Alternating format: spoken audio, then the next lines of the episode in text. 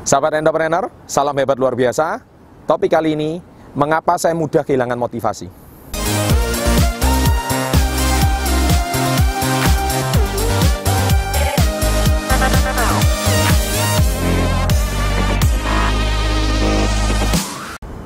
Sahabat entrepreneur, jadi hari ini banyak orang bertanya, Pak, kenapa kok saya mudah sekali kehilangan motivasi?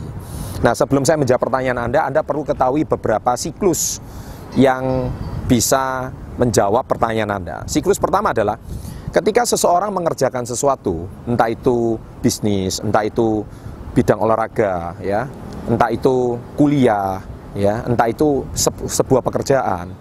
Nah, saya mau tahu kepada Anda, Ketika Anda mengerjakannya cuma dalam waktu tiga hari, itu dan akhirnya Anda kehilangan motivasi, itu baru namanya ikut-ikutan.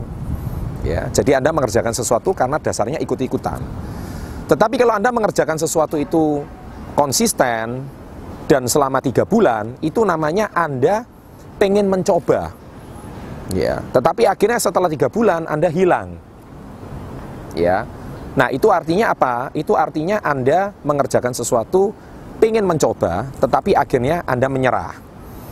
Tetapi kalau Anda mengerjakan sesuatu sampai tiga tahun dan Anda tetap konsisten, itu namanya passion. Ya, passion. Ya, atau sesuatu yang berhubungan dengan uh, kondisi Anda. Ya, mungkin Anda tidak senang, tapi karena anda ingin menekuni bidang itu dan akhirnya bertahan sampai tiga tahun, itu karena pasti ada suatu passion atau ada gairah yang besar di bidang tersebut. Dan kalau Anda kerjakan sesuatu lebih dari 13 tahun sampai 15 tahun, itu namanya panggilan. Ya, saya ulangi panggilan. Jadi saya ulangi, tiga hari itu karena ikut-ikutan, akhirnya kehilangan motivasi.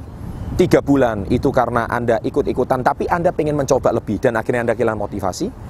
Kemudian kalau tiga tahun, itu namanya passion atau gairah. Ya, itu lebih bertahan lama dan Anda tidak mendapatkan motivasi dari luar pun tidak masalah karena Anda kerjakan itu karena sifatnya hobi atau itu memang passion Anda. Dan kalau Anda lebih dari 13 tahun, 15 tahun, itu namanya panggilan. Nah, sahabat entrepreneur, kalau hari ini Anda mudah kehilangan motivasi, coba cek Anda di bagian yang mana. Apakah Anda berbisnis karena ikut-ikutan atau karena memang passion Anda? Ya. Sebagai contoh, kalau Anda memang passionnya menyanyi, meskipun hari ini Anda ikut Indonesian Idol, ya, Anda lihat, itu kan audisinya tuh sampai puluhan ribu. Kalau Anda gagal, tapi Anda masih tetap menyanyi, nah itu namanya passion. Tapi kalau Anda gagal dan Anda memutuskan tidak mau jadi penyanyi, banting setir jadi montir contohnya, nah itu baru namanya ikut-ikutan.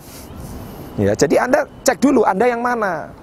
Kalau Anda hari ini kuncinya adalah karena meskipun saya gagal tapi saya tetap melakukan sesuatu yang saya sukai, nah itu adalah passion. Nah, begitu juga Michael Jordan kita lihat, ya, pebasket tersohor. Saya sering pakai contoh beliau di dalam video-video saya. Beliau berbasket itu sejak usia masih belasan tahun. Sampai hari ini beliau berusia 50 tahun lebih, beliau masih tetap berbasket meskipun beliau udah pensiun, meskipun udah jadi legenda. Bahkan bisnis beliau tetap tidak lari dari dunia basket. Contohnya saya sendiri, ya. Saya adalah passion saya adalah di pengembangan diri. Ya. Saya sangat senang sekali melihat orang lain sukses di dalam dunia bisnis. Ya. Dan saya sudah tekuni bidang ini 20 tahun lebih. Ya. Dan passion saya adalah ketika melihat orang lain berhasil, hati saya gembira. Dan sekarang saya bukan lagi menjalankan bisnis saya sebagai passion, tapi saya menjalankan bisnis saya sebagai panggilan. Ya. Nah, sahabat entrepreneur ketika dan saya tidak mudah kehilangan motivasi. Begitu juga dengan Anda. Hari ini kalau Anda mengerjakan sesuatu dikit-dikit capek, Pak. Nggak bisa, Pak. Ya. Jangan-jangan Anda kerjakan sesuatu karena ikut-ikutan teman. Anda kuliah sebentar, baru dua semester, kemudian saya mau putus Pak, saya salah jurusan. Nah berarti Anda mungkin Anda nggak cek benar-benar apakah ini adalah passion Anda. Nah sahabat entrepreneur, begitu juga hari ini dengan diri Anda. Coba cek diri Anda, apakah Anda mengerjakan sesuatu ini karena passion Anda. Bukan cuma sekedar ikut-ikutan. Tapi kalau Anda memiliki passion dalam pribadi, ini saya, motivasi terbesar, saya sudah bilang, siapakah motivator terbaik, ini ada videonya. Saya kan sudah bilang, motivator terbaik bukan siapa-siapa, tapi ada di dalam diri Anda.